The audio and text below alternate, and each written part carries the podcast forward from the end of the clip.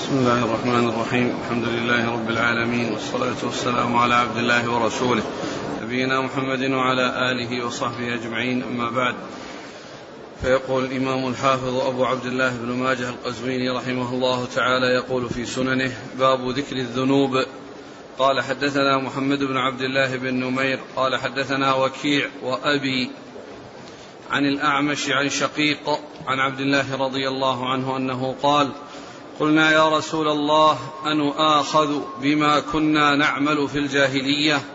فقال رسول الله صلى الله عليه وعلى آله وسلم من أحسن في الإسلام لم يؤاخذ بما كان في الجاهلية ومن أساء أخذ بالأول والآخر. بسم الله الرحمن الرحيم. الحمد لله رب العالمين وصلى الله وسلم وبارك على عبده ورسوله نبينا محمد وعلى آله وأصحابه أجمعين. أما بعد فيقول الإمام ابن ماجه رحمه الله باب الذنوب.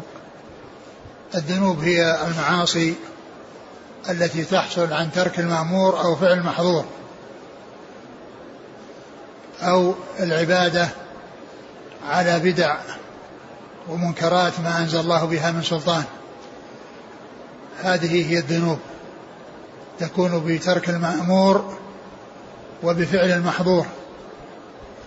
ما أمر به يتركه أو يترك شيئا منه وما نهي عنه يقع فيه ولا يمتثل لما نهي عنه فيترك بل يقع في المحظور ويمتنع من فعل المأمور. ومن المعلوم أن المأمور هو فعل و والإنسان يفعل ما يستطيع ما يؤمر به على قدر استطاعته لكنه لا يترك لا يترك ما أمر به. وأما المحظور فإنه يترك فإنه يترك مطلقا ولا يوصف المحظور بأنه يترك على قدر الاستطاعة لأنه مستطاع. لأن الترك مستطاع والأمر هو الذي قد يستطاع ولا قد لا يستطاع. الأمر قد يستطاع وقد لا يستطاع. والنهي هو مستطاع. الترك مستطاع. لو قيل لإنسان احمل هذه الصخرة فإنه قد يستطيع حملها وقد لا يستطيع. ولكن إذا قيل لا تدخل مع هذا الباب يستطيع أنه يدخل مع الباب. لا يقال أنه يستطيع أن يدخل مع الباب. فالمعاصي أو الذنوب هي الوقوع في المحظورات وترك الاتيان وعدم الإتيان بالمأمورات أو بعبادة الله عز وجل ليس على سنة وإنما على البدع والمحدثات التي ما أنزل الله بها من سلطان. ثم ذكر هذا الحديث عن مسعود رضي الله عنه أن النبي صلى الله عليه وسلم سئل أن آخذ بما عملنا في الجاهلية؟ أن آخذ ما بما عملنا في الجاهلية قال من أحسن في الإسلام لم يؤاخذ بما عمل في الجاهلية. ومن أساء في الإسلام أخذ بالأول والآخر. ومن أساء في الإسلام أخذ في الأول والآخر. يعني ما كان في الجاهلية وما كان في الإسلام. من أحسن في الإسلام ودخل في الإسلام وكان مسلما ولم يكن منافقا فإنه لا يؤاخذ بما حصل في الجاهلية لأن الإسلام يهدم ما كان قبله. الإسلام يجب ما كان قبله ويهدم ما كان قبله. و ولهذا جاء في الحديث الذي رواه مسلم في صحيحه عن عمرو بن العاص رضي الله عنه أنه لما جاء ليسلم ومد يده إلى الرسول مد الرسول صلى الله عليه وسلم يده إليه وهو كف يده. فقال لماذا يا عمرو؟ قال أردت أن أشترط. قال وما وما تشترط؟ قال أن يغفر لي. قال أما علمت أن الإسلام يهدم ما كان قبله وأن الهجرة تهدم ما كان قبلها وأن الحج يهدم ما كان قبله. فقال عليه الصلاة والسلام أما علمت أن الإسلام يهدم ما كان قبله؟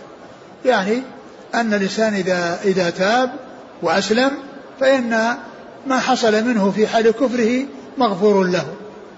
مغفور له. الشرك هو أعظم الذنوب. إذا أسلم الإنسان فإنه يسلم من تبعته وهو أعظم الذنوب. من أحسن في الإسلام من من أحسن في الإسلام لم يؤاخذ بما حصل في الجاهلية. لم يؤاخذ بما حصل في الجاهلية. وإن أساء في الإسلام أخذ في الأول والآخر. يعني إذا هذا إذا كان منافقا أسلم ولكنه آه، ليس إسلاما صحيحا. يتواطأ عليه الظاهر والباطن وإنما هو إسلام في الظاهر وكفر في الباطن.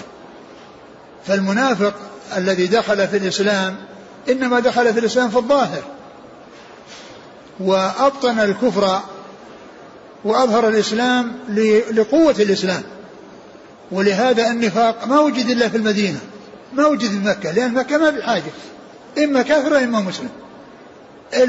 اللي يعني يظهر كفره يظهر كفره ما حد يمنعه ولا حد ولا إشكال في ذلك. المسلم مسلم والكافر كافر. لكن لما هاجر الرسول صلى الله عليه وسلم المدينة ودخل الناس في الدين وصارت الدولة للإسلام وأهله صار الذين في قلوبهم مرض من المنافقين الذين يعني لا يريدون الإسلام ولكن قوة الإسلام وعزة الإسلام جعلتهم يظهرون الإسلام ويبطنون الكفر هؤلاء منافقون وهم في الدرك الأسفل من النار كما أخبر الله عز وجل بذلك في كتابه العزيز. إن المنافقين في الدرك الأسفل من النار وهم كفار وهم أشد من الكفار لأن الكافر الذي آه، آه، آه، يعني أظهر ما في نفسه وأظهر الكفر وأما هذا أظهر الإسلام وأبطن الكفر فهو أخطر على المسلمين من الكفار. المنافقون أخطر على المسلمين من الكفار المبارزين المعلنين. ولهذا قال عليه الصلاة والسلام ومن أساء في الإسلام يعني من دخل في الإسلام وأساء فيه إساءة الكفر التي هي كونه يعني باق على كفره باطنا ومظهرا الإسلام خوفا من الإسلام وأهله فإنه يؤاخذ على ما كان في الإسلام الذي أظهره وهو كاذب فيه وعلى ما كان منه في الجاهلية. لأنه ما وجد الإسلام الذي يجب ما قبله. لم يوجد الإسلام الذي يجب ما قبله وإنما وجد إسلام هو كفر. وجد إسلام هو كفر لكن ألجأ إلى إظهار الإسلام قوة الإسلام. ألجأ إلى الإسلام قوة الإسلام. فإذا قول لها ساء في الإسلام يعني الإساءة التي هي ساءة الكفر كإساءة المنافقين. أما من أسلم ولم يكن منافقا و ولم يكن منافقا فإن الإسلام يجب ما قبله ولا حصل منه تقصير. نعم. قال حدثنا محمد بن عبد الله بن نمير ثقة أخرج أصحاب الكتب. عن وكيع وأبيه. وكيع بن الجراح ثقة أخرج أصحاب الكتب. وعبد الله بن نمير ثقة أخرج أصحاب الكتب. عن الأعمش. سليمان بن مهران ثقة أخرج أصحاب الكتب. عن شقيق. وشقيق بن سلمة أبو وائل. كنيته أبو وائل وهو مشهور بكنيته وكذلك مشهور باسمه. ويأتي أحيانا بالاسم وأحيانا بالكنية. وهنا جاء بالاسم. وكثيرا ما يأتي بالكنية أبو وائل. وهو ثقة مخضرم أخرج له أصحاب الكتب. عن نعم. عبد الله بن مسعود رضي الله تعالى عنه أخرج له أصحاب الكتب.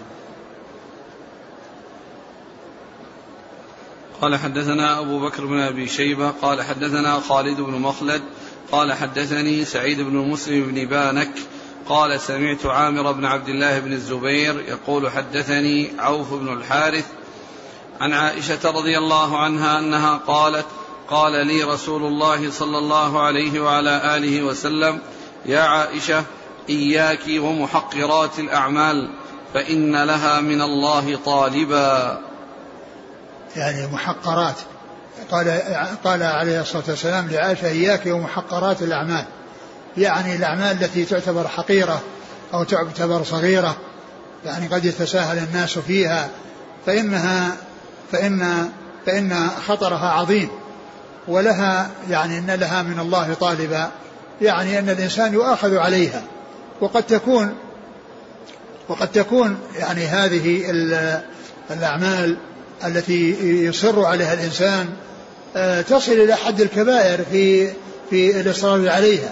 كما جاء عن ابن عباس لا كبيرة مع الاستغفار ولا صغيرة مع الإصرار. يعني أن الكبيرة مع الاستغفار تتلاشى وتضمحل والصغيرة مع مع مع الإصرار عليها وعدم المبالاة بها وقلة الحياة من الله فيها يجعلها كبيرة. يجعلها كبيرة. إياك ومحقرات الذنوب فإن لها من الله طالبا. فإن لها من الله طالبا. يعني أن أن الإنسان يؤاخذ عليها وأنها يعني الملك يكتبها ويؤاخذ الإنسان عليها إذا أصر. وأما إذا لم يصر عليها فإنها تكفر باجتناب الكبائر. كما قال عليه الصلاة والسلام الجمعة إلى الجمعة ورمضان إلى رمضان مكفرات ما بينه ما بينهن ما اجتنبت الكبائر. الصلوات الخمس والجمعة إلى الجمعة ورمضان إلى رمضان مكفرات لما بينهن ما اجتنبت الكبائر. وقال إن تجتنبوا كبائر ما تنهون عنه نكفر عنكم سيئاتكم. فهي تكفر بالصغائر باجتناب الكبائر. ولكن الصغائر إذا أصر عليها فإنها تلتحق بالكبائر كما جاء عن ابن عباس لا صغيرة مع مع الإصرار ولا كبيرة مع الاستغفار. والحديث في إسناده من هو متكلم فيه ولكن جاء أحاديث تدل على معناه وتدل على ما دل عليه. وقد جاء في بعض الأحاديث عن النبي صلى الله عليه وسلم آه، أن أن مثل الذنوب يعني اللي هي المحقرات أو الصغيرة محقرات الذنوب مثل جماعة يعني نزلوا في فلات فراحوا يبحثون عن آه، حطب. فمنهم من جاء بعود ومنهم من جاء بعود وأشياء بأشياء بسيطة. جمعوها ثم أوقدوا نارا وأنضجوا الشيء الذي يريدونه آه الذي يريدون طبخه وإنضاجه فيها. يعني فقال يعني أتى بعود وأتى فأتي هذه الأشياء تجمعت فحصل فيها إيقاد النار. حصل بها إيقاد النار. فإذا الذنوب الصغيرة يعني هي تغفر باجتناب الكبائر ولكن الإنسان إذا تهاون بها وتساهل بها ولم يخف الله عز وجل وفي معصيته فيها فإنها تضخم وتعظم حتى تكون ملحقة بالكبائر. وكذلك إذا تجمع بعضها إلى بعض فإنها تؤثر نعم. قال حدثنا أبو بكر بن أبي شيبة ثقة أخرج أصحاب الكتب إلا الترمذي. عن خالد بن مخلد وهو صدوق أخرج له. أصحاب الكتب إلا أبا داود ففي مسند مالك. نعم. عن سعيد بن المسلم بن بانك وهو ثقة النسائي بن ماجه. نعم. عن عامر بن عبد الله بن الزبير. وهو ثقة أخرج أصحاب الكتب. عن عوف بن الحارث. وهو مقبول أخرج البخاري وأبو داود والنسائي بن ماجه. نعم. عن عائشة. رضي الله عنها أم المؤمنين الصديقة بنت الصديق وهي ممن أكثر الرواية عن رسول الله صلى الله عليه وسلم. قال حدثنا هشام بن عمار قال حدثنا حاتم بن إسماعيل والوليد بن مسلم قال حدثنا محمد بن عجلان عن القعقاع بن حكيم عن أبي صالح عن أبي هريرة رضي الله عنه أن رسول الله صلى الله عليه وعلى آله وسلم قال إن المؤمن إذا أذنب كانت نكتة سوداء في قلبه فإن تاب ونزع واستغفر صقل قلبه فإن زاد زادت. فذلك الران الذي ذكره الله عز وجل في كتابه كلا بل ران على قلوبهم ما كانوا يكسبون. ثم ذكر حديث أبي هريرة أن المؤمن إذا أذنب ذنبا نكت في قلبه نكتة سوداء. فإن تاب وأقلع منها واستغفر صقل قلبه يعني أنها ذهبت وصار نظيفا يعني آه، كما هو في آه، سلامته وبياضه ليس فيه سواد. وإن آه، يعني زاد وأتى بأشياء أخرى يعني زادت يعني هذه النقاط السود التي تكون في القلب حتى يعني تكثر ويكون مثل الران. الران الذي يغطي يغطي القلب. يعني ران على قلوبهم يعني غطاها. يعني وحصل يعني الذنوب التي غطتها. كلا بل ثم تلا كلا بل ران على قلوبهم ما كانوا يكسبون.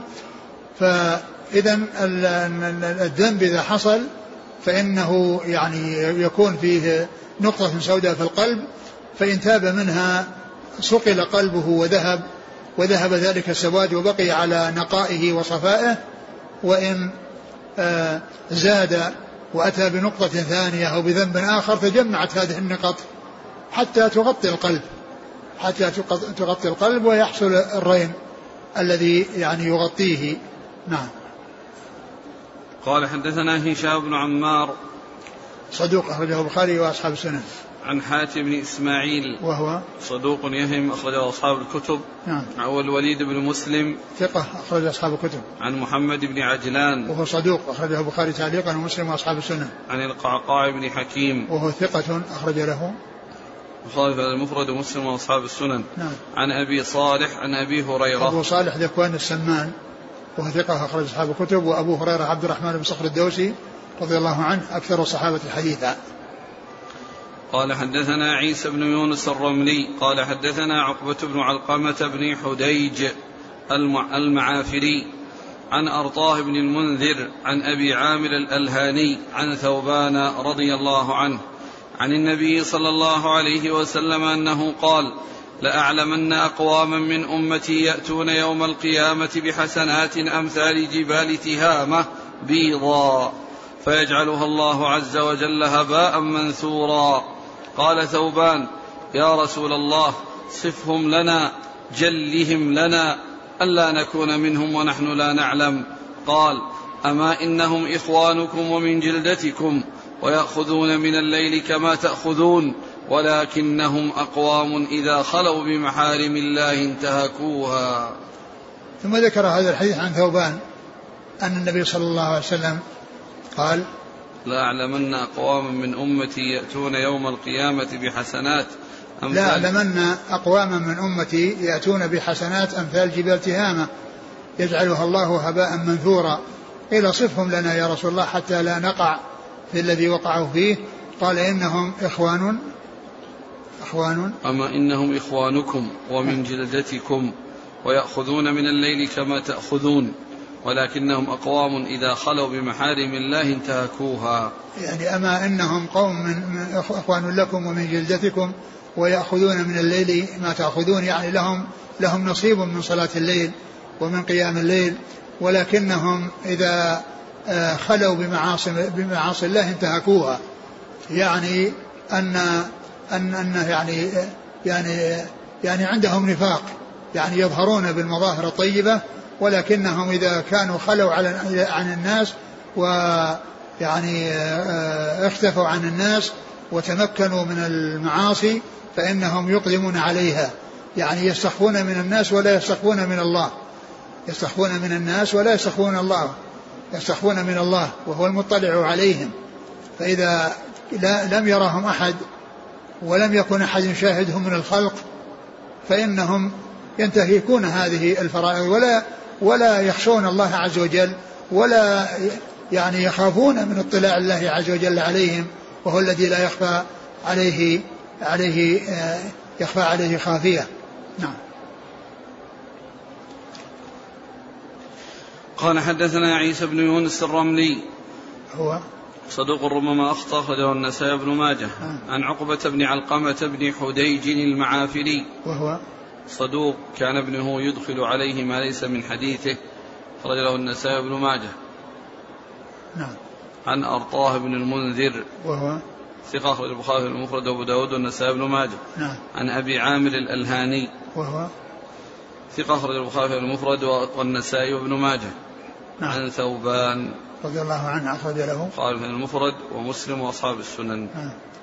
قال حدثنا هارون بن إسحاق وعبد الله بن سعيد قال حدثنا عبد الله بن إدريس عن أبيه وعمه عن جده عن أبي هريرة رضي الله عنه أنه قال سئل النبي صلى الله عليه وسلم ما أكثر ما يدخل الجنة؟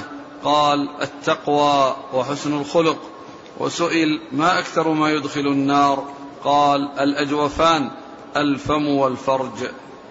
ثم ذكر هذا الحديث عن النبي صلى الله عليه وسلم أنه قال أنه سئل عن أكثر ما يدخل الناس يدخل الجنة يعني الأعمال الصالحة التي تدخل يدخل بسببها الإنسان الجنة فقال التقوى وحسن الخلق. وسئل عن عن ما يدخل النار فقال الأجوفان الفم والفرج. آه الذي يدخل الجنة هو التقوى وحسن الخلق. تقوى الله عز وجل الاستقامة على أمر الله. وكون الإنسان يمتثل الأوامر وينتهي عن النواهي ويعبد الله طبقا للسنة ومع البعد عن البدعة. وتقوى الله عز وجل أن يجعل الإنسان بينه وبين غضب الله وقاية تقيه منه. وذلك بفعل الطاعات وترك المعاصي. وحسن الخلق هو المعاملة الطيبة التي يعامل بها الإنسان غيره فيكون محبوبا مرغوبا عند الناس يعني يحب الناس لقاءه وصحبته لأنهم يجدون منه المعاملة الطيبة. ولهذا جاء في بعض الأحاديث أنه ما من عمل ما من الأعمال شيء يعني أثقل في الميزان من حسن الخلق. وقد ذكر النبي صلى الله عليه وسلم يعني هاتين الخصلتين وهي تقوى الله وحسن الخلق في حديث في الحديث المشهور الذي قال آه، في حديث أبي ذر الذي قال فيه النبي صلى الله عليه وسلم اتق الله حيثما كنت وأتبع السيئة الحسنة تمحها وخالق الناس بخلق حسن.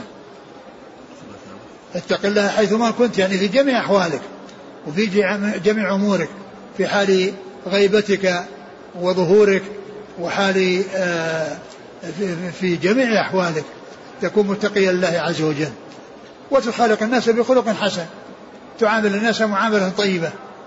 وكذلك أيضا عندما توجد منه الذنوب يأتي بدلها في المعاصي حتى تمحوها وحتى يتخلص منها ويحل محلها حسنات تمحوها. اتق الله حيثما كنت وأتبع السيئة الحسنة تمحوها وخالق الناس بخلق حسن. ثم سئل عن أكثر ما يدخل النار فقال الأجوفان الفم والفرج. المقصود بالفم يعني ما ما يكون فيه وهو اللسان الذي يكون فيه وهو اللسان. وكذلك أيضا يدخل فيه التعبير بالفم يعني استعمال الحرام وأكل الحرام لأنه آه، يعني آه، يؤاخذ الإنسان عليه. وقد جاء في بعض الأحاديث ذكر اللسان مع الفرج. من يضمن لي ما بين لحييه وما بين رجليه يضمن له الجنة. حديث صحيح. من يضمن لي ما بين لحييه وما بين رجليه أضمن له الجنة. ما بين لحييه اللي هو اللسان فلا يتكلم فيه فيما لا ينبغي والفرج فلا فلا فلا يستعمله إلا فيما أحل الله. ولا يعني آه، آه، والذين هم لفروجهم حافظون إلا على أزواجهم أو ما ملكت أيمانهم فإنهم غير ملومين فمن ابتغى وراء ذلك فأولئك هم العدو. فمن ابتغى وراء ذلك فأولئك هم العدو. فكل شيء وراء الزوجة وملك اليمين فهو من العدوان وصاحبه ملوم.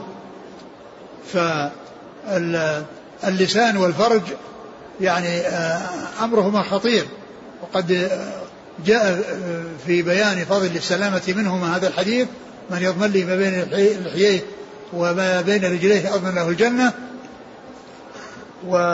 وكذلك جاءت أحاديث كثيرة تدل على خطورة اللسان وحصائد اللسان. وقد جاء في الحديث من كان يؤمن بالله واليوم الآخر فليقل خيرا أو ليصمت. من كان يؤمن بالله واليوم الآخر فليقل خيرا أو ليصمت. نعم. قال حدثنا هارون بن إسحاق. الحمال البغدادي وهو صدوق وهو صدوق أخرجه مسلم وأصحاب السنن. هذاك هارون هذا هارون بن إسحاق. هارون بن إسحاق نعم وش هو؟ صدوق أخرج البخاري في القراءة والترمذي والنسائي بن نعم. ماجه. نعم. وعبد الله بن سعيد. هو الأشج وهو ثقة أخرج أصحاب الكتب وهو شيخ لأصحاب الكتب. عن عبد الله بن إدريس.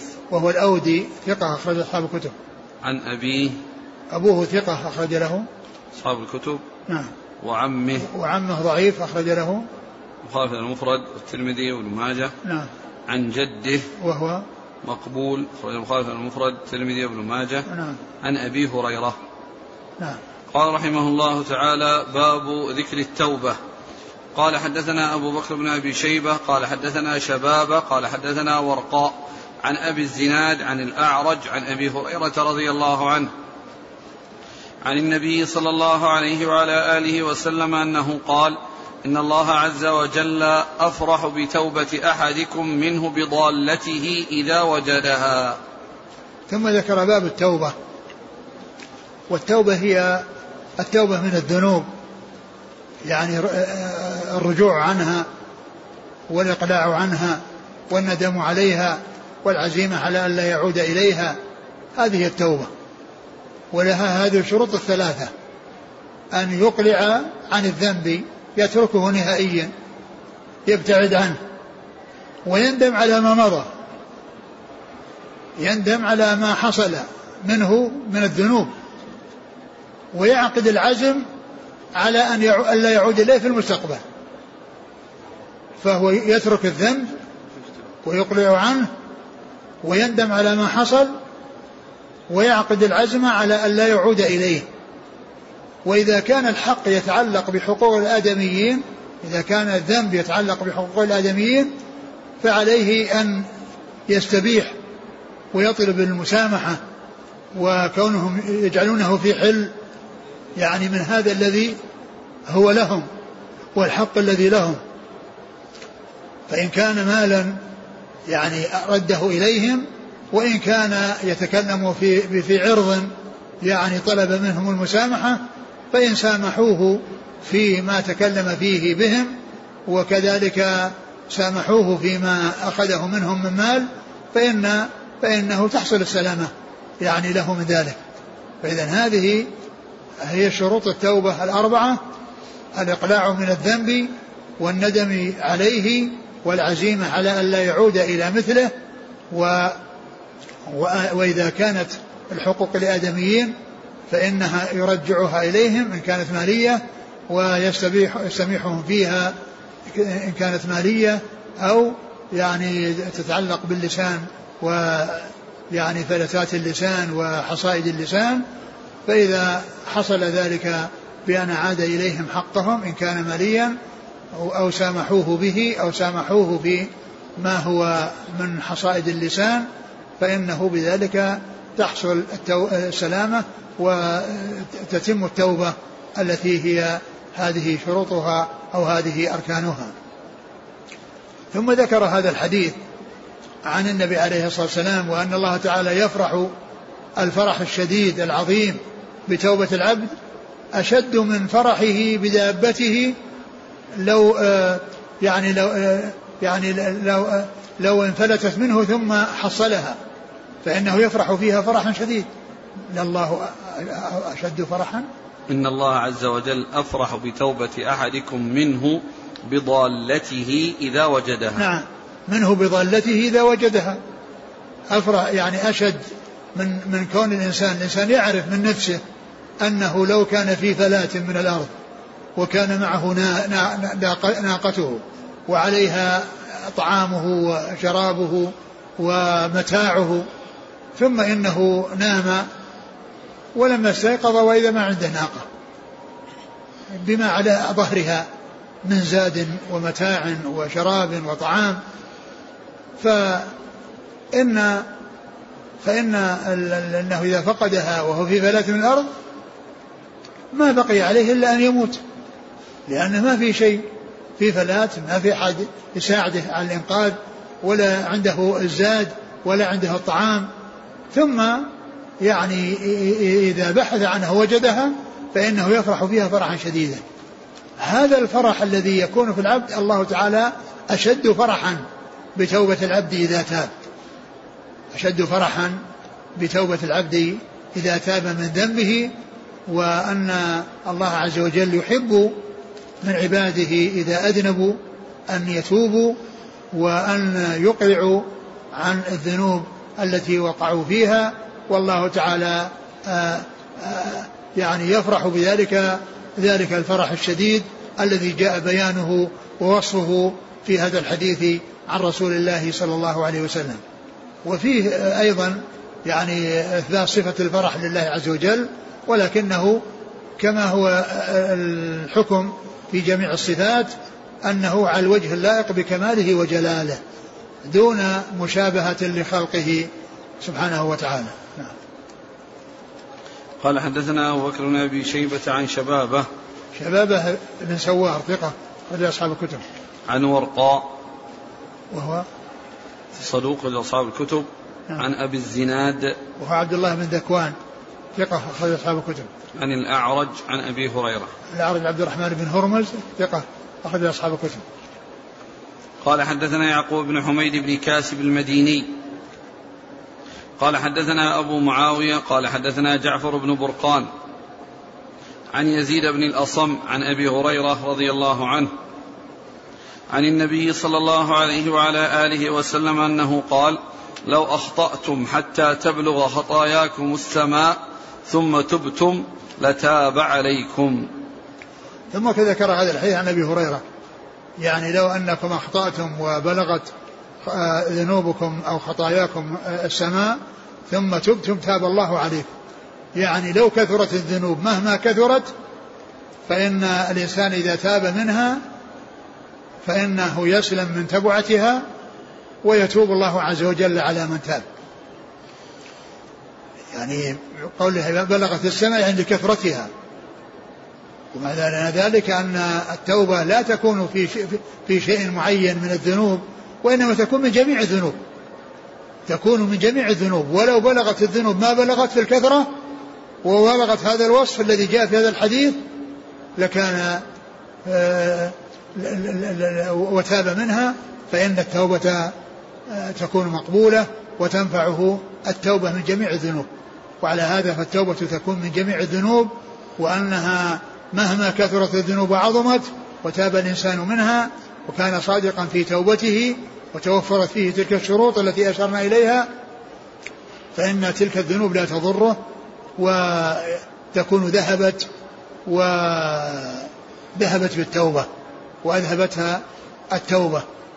وقد وقد سبق أن مر حديث بهذا المعنى أن النبي صلى الله عليه وسلم قال يا ابن آدم لو بلغت ذنوبك عنان السماء لو بلغت ذنوبك عنان السماء ثم استغفرتني غفرت لك على ما كان منك.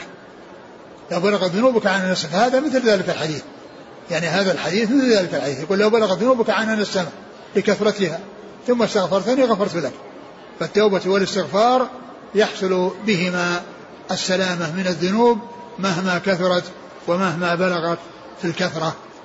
والحديث الذي هو آه الذي أشرت إليه هذا هو الذي ختم به النووي آه الأحاديث الاثنين وأربعين اللتين آه التي ذكرها في الأربعين وهو وهي في الحقيقة ليست أربعين بالتحديد ولكنها يعني زائدة حديثين. وآخر الأحاديث هو هذا الحديث لو بلغت ذنوبك عننا السماء ثم استغفرتني غفرت لك. نعم. قال حدثنا يعقوب بن حميد بن كاسب صدوق أخرج له البخاري في خلق أفعال العباد بن ماجه. نعم. عن أبي معاوية. محمد بن خازم ثقة أخرج أصحاب الكتب. عن جعفر بن برقان. وهو؟ صدوق البخاري المفرد ومسلم وأصحاب السنن. نعم. عن يزيد بن الأصم. وهو؟ ثقة البخاري المفرد ومسلم وأصحاب السنن. نعم. عن أبي هريرة. نعم. قال حدثنا سفيان بن وكيع. قال حدثنا أبي عن فضيل بن مرزوق. عن عطية عن أبي سعيد رضي الله عنه أنه قال قال رسول الله صلى الله عليه وعلى آله وسلم لله أفرح بتوبة عبده من رجل أضل راحلته بفلاة من الأرض فالتمسها حتى إذا أعيا تسجى بثوبه فبينا هو كذلك إذ سمع وجبة الراحلة حيث فقدها فكشف الثوب عن وجهه فإذا هو براحلته. ثم ذكر هذا الحديث عن أبي سعيد الخدري رضي الله عنه أن وهو مثل الحديث الأول إلا أن فيه تفصيل الله أشد فرحا بتوبة العبد آه، منه يعني وجد ضالته يعني التي فقدها. هذا الحديث فيه يعني شبيه بذاك إلا أن فيه تفصيل وهو أن أن الله تعالى أشد فرحا من توبة العبد منه يعني إذا فقد راحلته وبحث عنها ولم يجدها ثم نام وتسجى يعني ينتظر الموت فإذا يعني وإذا هي واقفة عنده يسمع وجبتها يعني حركة يعني يديها ورجليها في في المشي فقام وفرح فيها ذلك الفرح الشديد. وجاء في في معناه أحاديث منها أن أن أن, أن أنه آه، آه، قام وجدها عنده وهذا في الحديث في الصحيح وقال اللهم أنت عبدي وأنا ربك أخطأ من شدة الفرح. أخطأ بدل ما يقول اللهم أنت ربي وأنا عبدك قال اللهم أنت أنت عبدي وأنا ربك. أخطأ من شدة الفرح. هكذا قال رسول الله صلى الله عليه وسلم. فهذا الحديث في إسناده ضعف ولكن متنه له شواهد وله ما يؤيده ويدل عليه. نعم. قال حدثنا سفيان بن وكيع.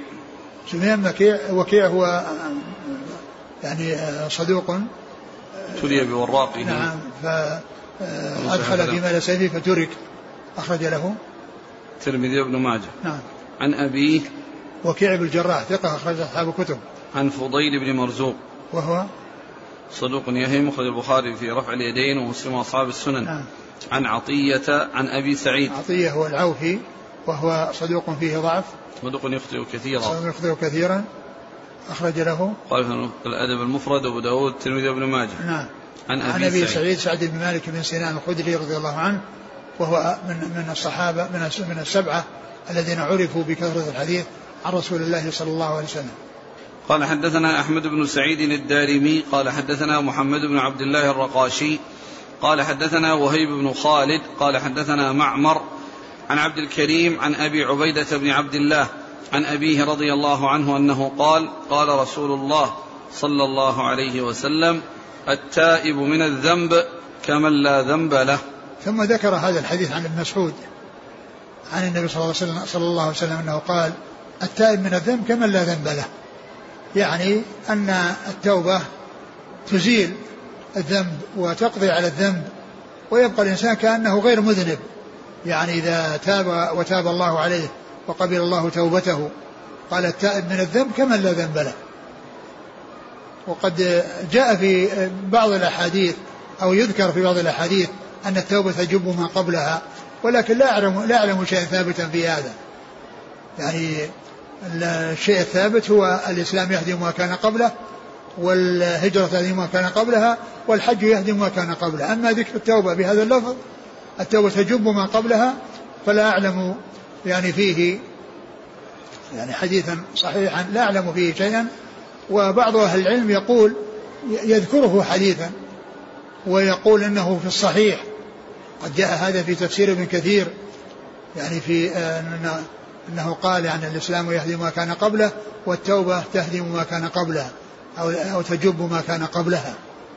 ولكني لا أعلم يعني شيئا يدل على ثبوت ذلك لكن هذا الحديث الذي قوله صلى الله عليه وسلم التائب من الذنب كمن لا ذنب له هو بمعنى هذا.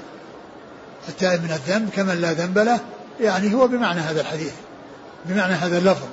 لكن لا أعلم شيئا ثابتا بهذا اللفظ التوبة تجب ما قبلها نعم. قال حدثنا أحمد بن سعيد الدارمي. هو؟ ثقة أصحاب الكتب نعم. إلا النسائي. نعم. عن محمد بن عبد الله الرقاشي. وهو؟ ثقة أخرجه البخاري ومسلم والنسائي بن ماجه. نعم. عن وهيب بن خالد. ثقة أخرج أصحاب الكتب. عن معمر. ابن راشد ثقة أخرج أصحاب الكتب. عن عبد الكريم. الجزري وهو ثقة أخرج أصحاب الكتب. عن أبي عبيدة بن عبد الله. أبو عبيدة بن عبد الله ثقة أخرج أصحاب الكتب. عن أبيه. أبيه عبد الله بن مسعود رضي الله عنه أخرج له أصحاب الكتب وهو قيل أنه لم يسمع من أبيه ولكن يعني وجد يعني ما يقويه. نعم. قال حدثنا أحمد بن منيع قال حدثنا زيد بن الحباب قال حدثنا علي بن مسعدة عن قتادة عن أنس رضي الله عنه أنه قال قال رسول الله صلى الله عليه وعلى آله وسلم كل بني آدم خطاء. وخير الخطائين التوابون. ثم ذكر هذا الحديث عن النبي صلى الله عليه وسلم قال كل بني آدم خطاء وخير الخطائين التوابون.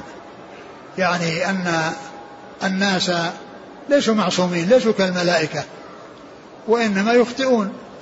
لكن هناك هذا النعمة التي آه، أنعم الله تعالى بها على عباده وهي أن يتوبوا من تلك الذنوب فيسلمون من مغبتها ومن آثارها وتبعاتها. كل كل بني آدم خطاء يعني خطاؤون يعني مبالغة في كثرة الخطأ وخير الخطائين التوابون. يعني الذي يخطئ ويتوب هذا هو الذي هو خير. وأما من يخطئ ويزيد في الخطأ ويكرر الخطأ ولا يتوب فهذا هو الشر. وهذا هو الذي آه، يعني يضر بنفسه ولكن الإنسان إذا تاب من ذنبه فإن التائب من الذنب كمن لا ذنب له. نعم. قال حدثنا أحمد بن منيع. ثقة أخرج أصحاب الكتب. عن زيد بن الحباب. وهو صدوق أخرج له. خارج القراءة ومسلم وأصحاب السنن. نعم. عن علي بن مسعدة. وهو صدوق أخرج له. خارج المفرد الترمذي بن ماجه. نعم.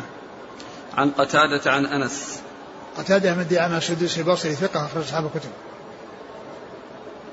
عن أنس بن مالك رضي الله عنه خادم الرسول عليه الصلاة والسلام وأحد السبعة المكثرين من حديثه. قال حدثنا هشام بن عمار قال حدثنا سفيان عن عبد الكريم الجزري عن زياد بن أبي مريم عن ابن معقل قال دخلت مع أبي على عبد الله رضي الله عنه فسمعته يقول قال رسول الله صلى الله عليه وعلى آله وسلم الندم توبة. فقال له أبي أنت سمعت النبي صلى الله عليه وسلم يقول الندم توبة؟ قال نعم. ثم ذكر هذا الحديث عن النبي صلى الله عليه وسلم أنه قال الندم توبة. يعني الندم كل إنسان يندم على الذنب هذه توبة. لكن مع ما يكون معها من كون الإنسان يقلع ويتركه نهائيا ويعقد العزم على أن لا يعود إليه وإذا كان حقا للناس أداه إليهم إن كان مليا أو استعفاهم منه أو من من الذنب إذا كان يتعلق بالكلام في في أعراضهم. فإن هذه الأمور هي التي تتم بها التوبة. فإذا وجد الندم الذي صاحبه واقترن به كون الإنسان ندم على ما على ما مضى أقلع عن عن الماضي و وعزم على أن لا يعود إليه وليس آه، آه، تركه الذنب لأنه لم يقدر عليه لأن من الناس من يترك الشيء لأنه غير قادر عليه لكنه إذا وجد الفرصة انقض عليه وأقدم عليه فيكون يعني مثل هذا يعني ما حصل منه ندم الذي في ذهنه أنه يقع في الأمر المحرم وإنما لم يقع فيه لعجزه عن الوصول إليه. و فإن فإن فإن فإن من من يكون كذلك ليس هو ممن جاء في هذا الحديث لأن الحديث جاء الندم توبة. وأما الإنسان الذي يفكر في المعصية وإذا وجد الفرصة إليها أقدم عليها فهذا ليس نادما. والندم يكون نافعا مع كون الإنسان يقلع عن الذنب ويعقد العزم على ألا يعود إلى ذلك في المستقبل. نعم. قال حدثنا هشام بن عمار عن سفيان. سفيان بن عيينة ثقة أخرج أصحاب الكتب. عن عبد الكريم الجزري عن زياد بن أبي مريم. وهو؟ وثقه العجلي أخرجه ابن ماجه. نعم. عن ابن معقل. وهو؟ ثقة أصحاب الكتب. نعم. عن عبد الله رضي الله عنه أخرج أصحاب الكتب. والله تعالى أعلم وصلى الله وسلم وبارك على عبده ورسوله نبينا محمد وعلى آله وأصحابه أجمعين. جزاكم الله خيرا وبارك الله فيكم. ألهمكم الله الصواب ووفقكم للحق. نفعنا الله ما سمعنا وغفر الله لنا ولكم وللمسلمين أجمعين. يقول السائل فضيلة الشيخ إذا اغتاب المسلم أخاه المسلم وأراد أن يتوب وهو يعلم إذا جاء إليه وأخبره بذلك ربما يؤدي ذلك إلى مشكلة لا تحمد عقباها فماذا يفعل؟ نعم إذا كان يترتب على كونه يخبره يعني آه، آه، يترتب عليه مفسدة فهو لا يخبره ولكن يسأل الله عز وجل له ويدعو له ويثني عليه ولا سيما في الأماكن التي اغتابه بها يعني يأتي بالثناء عليه بدل سبه وبدل اغتيابه. آه، وإذا كان يعني يمكن أن لا يفسر ولا يبين يقول حصل مني في حقك كلام أرجو أن تسامحني فيه يعني دون أن يبين. إذا كان ذلك يكفي فليفعل. وإذا كان آه ذكره لشيء يترتب عليه مفسدة ويترتب عليه مضرة وكون ذلك, ذلك الإنسان يغضب أو يعني يكون يعني في فيه عداوة وشحنة وما إلى ذلك فإن الإنسان لا لا لا لا, لا يخبره ولا يبين له الشيء الذي قد حصل منه ولكنه يدعو الله عز وجل له ويثني عليه في الأماكن التي اغتابه اغتابه فيها. أو عند الناس الذين اغتابهم تابه عندهم. نعم. هل تصح تجزئة التوبة بحيث يتوب من بعض الذنوب دون بعض؟ نعم. من تاب من ذنب فإن توبته منه مقبولة. وإذا تاب من جميع الذنوب فإن التوبة تكون من جميع الذنوب. لكن لو تاب عنده عنده ذنوب وترك ذنبا وأقلع منه وتاب منه وندم وعزم لا يعود هذه التوبة. يقول وهل هذا منهج دعوي مناسب خصوصا في هذا العصر؟ الإنسان يحذر من جميع الذنوب ولا يقول اترك هذا الذنب وأبقي هذا الذنب وإنما يحذر من جميع الذنوب ويدعو إلى السلامة من جميع الذنوب. لكن إذا سئل يعني عن مثل هذا السؤال يقول بهذا الجواب أما كونه يعني آه، آآ آه، يقول يعني مثل هذا الشيء فإن هذا قد يهون قد يهون على الناس الشيء الذي آه، تعشقه نفوسهم وتهواه نفوسهم من الأمور الباطلة ويقول أن أن كونه يعني تاب من ذنب يعني وأن ذلك يكون فيه تهوين يعني ذلك الأمر عليه. إذا لا يأتي له ويقول ابقي على هذا واترك هذا وإنما يقول اترك الجميع. يقول هل من التوبة أن يحدث الرجل عما حصل منه في السابق من المعاصي والذنوب؟ ما ينبغي هذا. يستتر بستر الله. يستتر بستر الله. ولا ولا يحدث. ولا يحدث بالشيء الذي آه، آه، آه، حصل منه وستره الله عليه. لا يفضح نفسه وقد ستره الله. يقول من وقع في عمل كفري أو شركي وهو عالم بأن هذا العمل مخرج من الملة وبعد ذلك مباشرة ندم وتاب واستغفر. فهل عليه أن يغتسل وينطق بالشهادتين؟ يتوب إلى الله عز وجل من ذلك الكفر. ويعني معلوم أنه يعني سيصلي وستوجد من الشهادتان ولكن لو أنه تشهد وقال أشهد أن محمد رسول الله لا شك أن هذا شيء طيب. ولكنه إذا دخل ورجع إلى ما كان عليه يعني وهو كونه يشهد لا إله إلا الله وأن محمد رسول الله فإن ذلك يكون كافٍ وكذلك صلاته مشتملة على على الشهادتين. يقول أيهما أعظم وأشد ترك المأمور أو فعل المحظور؟ ابن القيم ذكر في كتاب الفوائد وجوها عديدة لبيان أن ترك المأمور أعظم من فعل المحظور. أن ترك المأمور أعظم من فعل المحظور. وبعض العلم يقول أن فعل المحظور أشد من ترك المأمور لكن أذكر أن ابن القيم في كتاب الفوائد أو بدائع الفوائد ذكر وجوها عديدة لبيان أن ترك المأمور أشد من فعل المحظور. يقول إذا كان من اغتبته لا يسامح رغم أنني استسمحته ولم يسمح. هل يمكنني أن أعطيه مالا مقابل أن يسامحني؟ والله إذا كان إذا كان سيسامحك بالمال هذا شيء جيد. إذا إذا كان المال نفسه يخلص من من من هذا الذي ما, ما في بأس. يقول أشكل علي في الذين يأتون بحسنات كالجبال فيجعلها الله هباء وقال يقومون من الليل لهم نصيب من قيام الليل. كيف يكونوا منافقين؟ يخلدون في نار جهنم. آه يعني كون يعني يقول يجعلها الله هباء منثورا إن كانوا منافقين فالأمر في ذلك واضح. وإن كان يعني أنهم غير منافقين وتكون تلك الجبال يعني هباء منثورا لكونها ذهبت لأناس آه، في مقابل يعني آه، حسنات في مقابل سيئات. يعني حصلت إساءة حصلت لأناس مثل ما جاء في حديث المفلس قال عليه الصلاة والسلام أتدرون من المفلس؟ قالوا المفلس من لا درهم ولا عنده ولا متاع. قال المفلس من يأتي يوم القيامة بصلاة وزكاة وصيام ويأتي وقد ضرب هذا وشتم هذا وأخذ هذا مال هذا وسفك دم هذا فيعطى لهذا من حسناته وهذا من حسناته فإن فنيت حسناته قبل أن يقضى ما عليه أخذ من سيئاته فطرح عليه فطرح في النار. يعني فإما أن يكون هذا أو هذا إن كان منافقا فالأمر في ذلك واضح.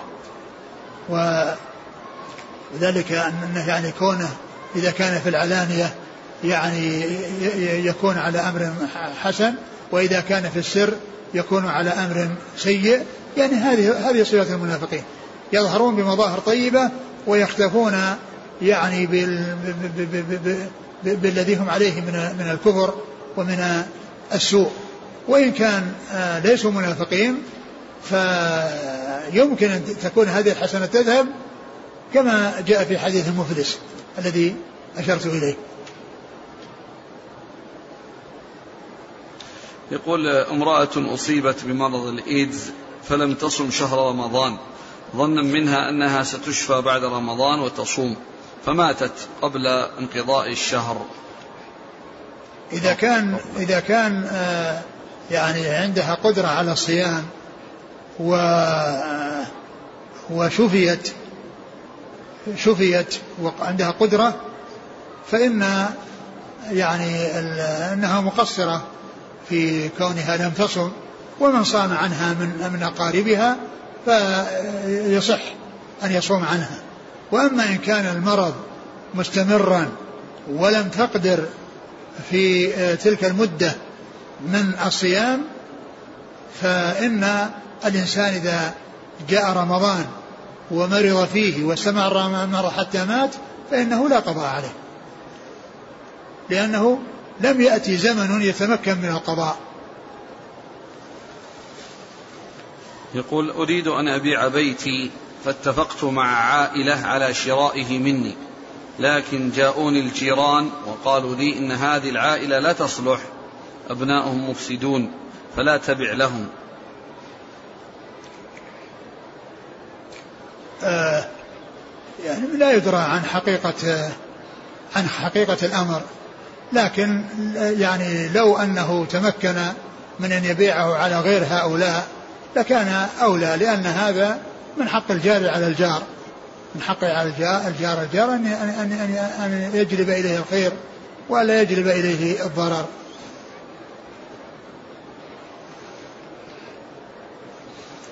يقول آه، شخص أوصى. لا أقول أن هذا لازم ومتعين لكن هذا من مكارم الأخلاق. ومن الذي ينبغي أن يكون بين الجيران.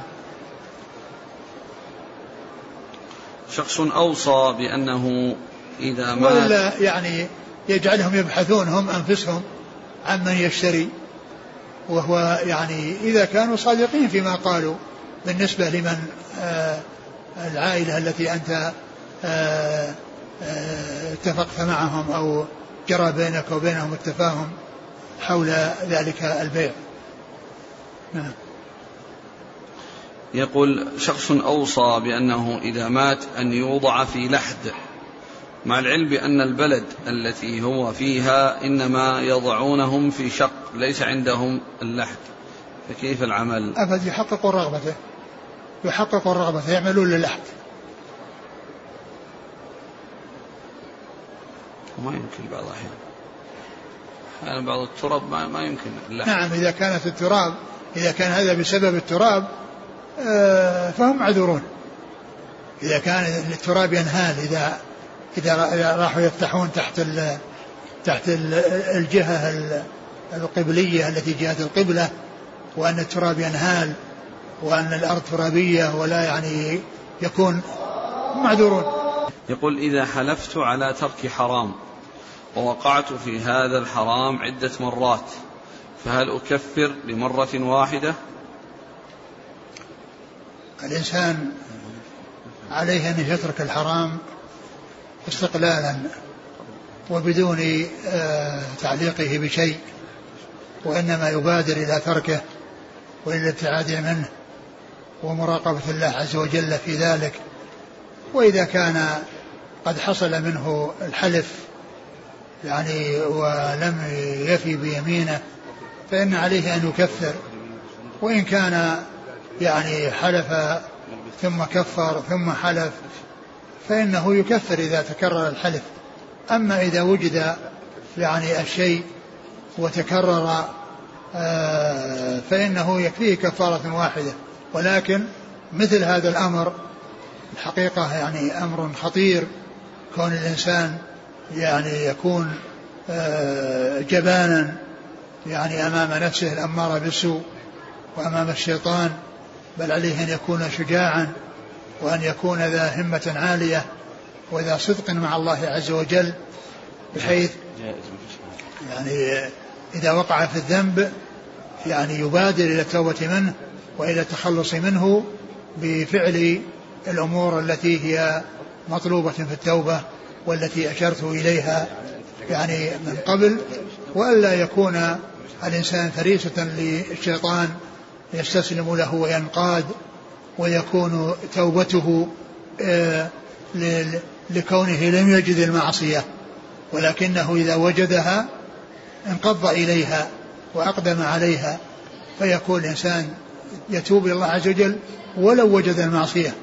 ويتذكر آه، أن الجنة حفت بالمكاره وأن النار حفت بالشهوات وأن الإنسان يصبر عن المعاصي ولو مالت إليها النفوس لأن هذا الذي يحصل من كونها يعني شهوة فإنها شهوة يعقبها حسرة ويعقبها ندامة ويعقبها ضرر.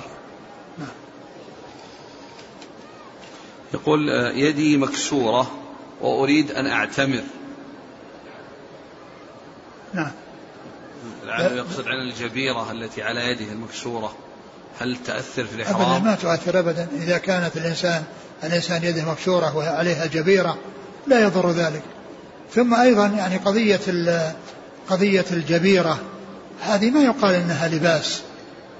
و فالإنسان يعني حتى لو احتاج إلى أن الركبة فيها ألم شدها بمشد يعني على الركبة أو يعني حصل بيده جرح وربط عليها قماشا يعني يحيط بها.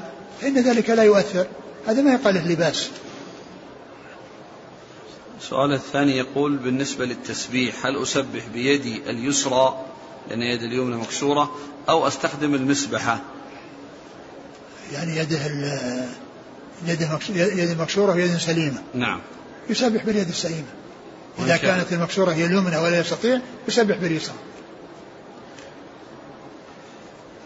سؤال آخر له يقول اشتريت لزوجتي ذهب عند زواجي بها وليس هو من شروط المهر. ثم مرت بنا ضائقة مالية فبعت الذهب برضاها. ثم حصل بيننا خلاف وطلقتها. فهل هذا الذهب من حقها؟ يعني هذا السائل سألني يعني بانفراد وأجبته على ذلك. وأقول الآن أن الإنسان إذا أعطى زوجته شيئا فهي تملكه وصار ملكا لها. فإذا أعطته إياه أو أرجعته إليه بأن آه، آه، يعني وهبته إياه فإن ذلك له. وإن كان أخذه يعني برضاها من أجل أنه بحاجة وهو دين في ذمته. وإن كان أخذه كرها فإن ذلك لا يجوز عليه أن يؤدي في جميع الحالتين إلا إذا كانت سامحته فيه. يقول إذا تكلمت في شخص وهو غائب بحضرة من لا يعرفه هل تعد غيبة؟ يعني كونه يسميه إذا, إذا, إذا لم يسمه ولكن حصل منه أوصاف تجعله في حكم معلوم لأن من الأوصاف ما ما توضح الموصوف ويعرف بها الموصوف. فإذا كان بهذه المثابة فهو مثل الشخص الذي سمي. وإن كان ليس بهذه المثابة وإنما حصل من إنسان كذا أو جرى من إنسان كذا هذا ما يقال أنها غيبة لأنه ما ليس شخص معين. إلا إذا كان يعني يفهم أو يعني آه، في علامات وأمارات تدل عليه فإنها تكون غيبة ولا لم يسميه يقول في بلادنا أسس أسست الدولة جمعية سموها جمعية علماء المسلمين مع العلم بأن أعضاءها ليسوا على طريقة السنة بل منهم من هم أشاعرة وصوفية. بعض طلبة العلم وجدوا فرصة لإقامة الدروس والدورات العلمية فدخلوا في هذه الجمعية. فأنكر عليهم بعض أهل العلم وقالوا كيف تدخلون معهم وهم أشاعرة وصوفية؟ إذا كان يجدون سبيل إلى الدعوة إلى الله عز وجل دون أن يدخلوا معهم يفعلون وإذا كان لا يجدون إلا بالدخول معهم فإنهم يعني يدخلون ويبينون الحق ولا يعني يتغاضون عنه ويتكلمون بأشياء يعني خلاف ما ينبغي أن يتكلموا فيه. إذا كان هناك سبيل إلى أنهم يؤدون ما يجب عليهم من الدعوة دون أن يتعاونوا مع أناس عندهم شيء من الخلل يعني في العقيدة فعلوا. وإلا فإنهم يدخلون ويقومون ببيان الحق على الوجه الذي يرضيه سبحانه وتعالى. من أخذ مالا من شخص ولم يعترف ولم يقر بخطئه فهل الأفضل لصاحب المال أن يعفو عنه أو عدم العفو؟ إيش السؤال؟ من أخذ مالا من شخص ولم يعترف ولم يقر بخطئه فما هو الأفضل لصاحب المال أن يعفو عنه؟ والله إذا عفا أقول إذا عفا جزاه الله خيرا ومن عفا وأصلح فأجره على الله. لما ذكرتم المشد يوجد كما تعلمون الآن مشد يشبه الجورب.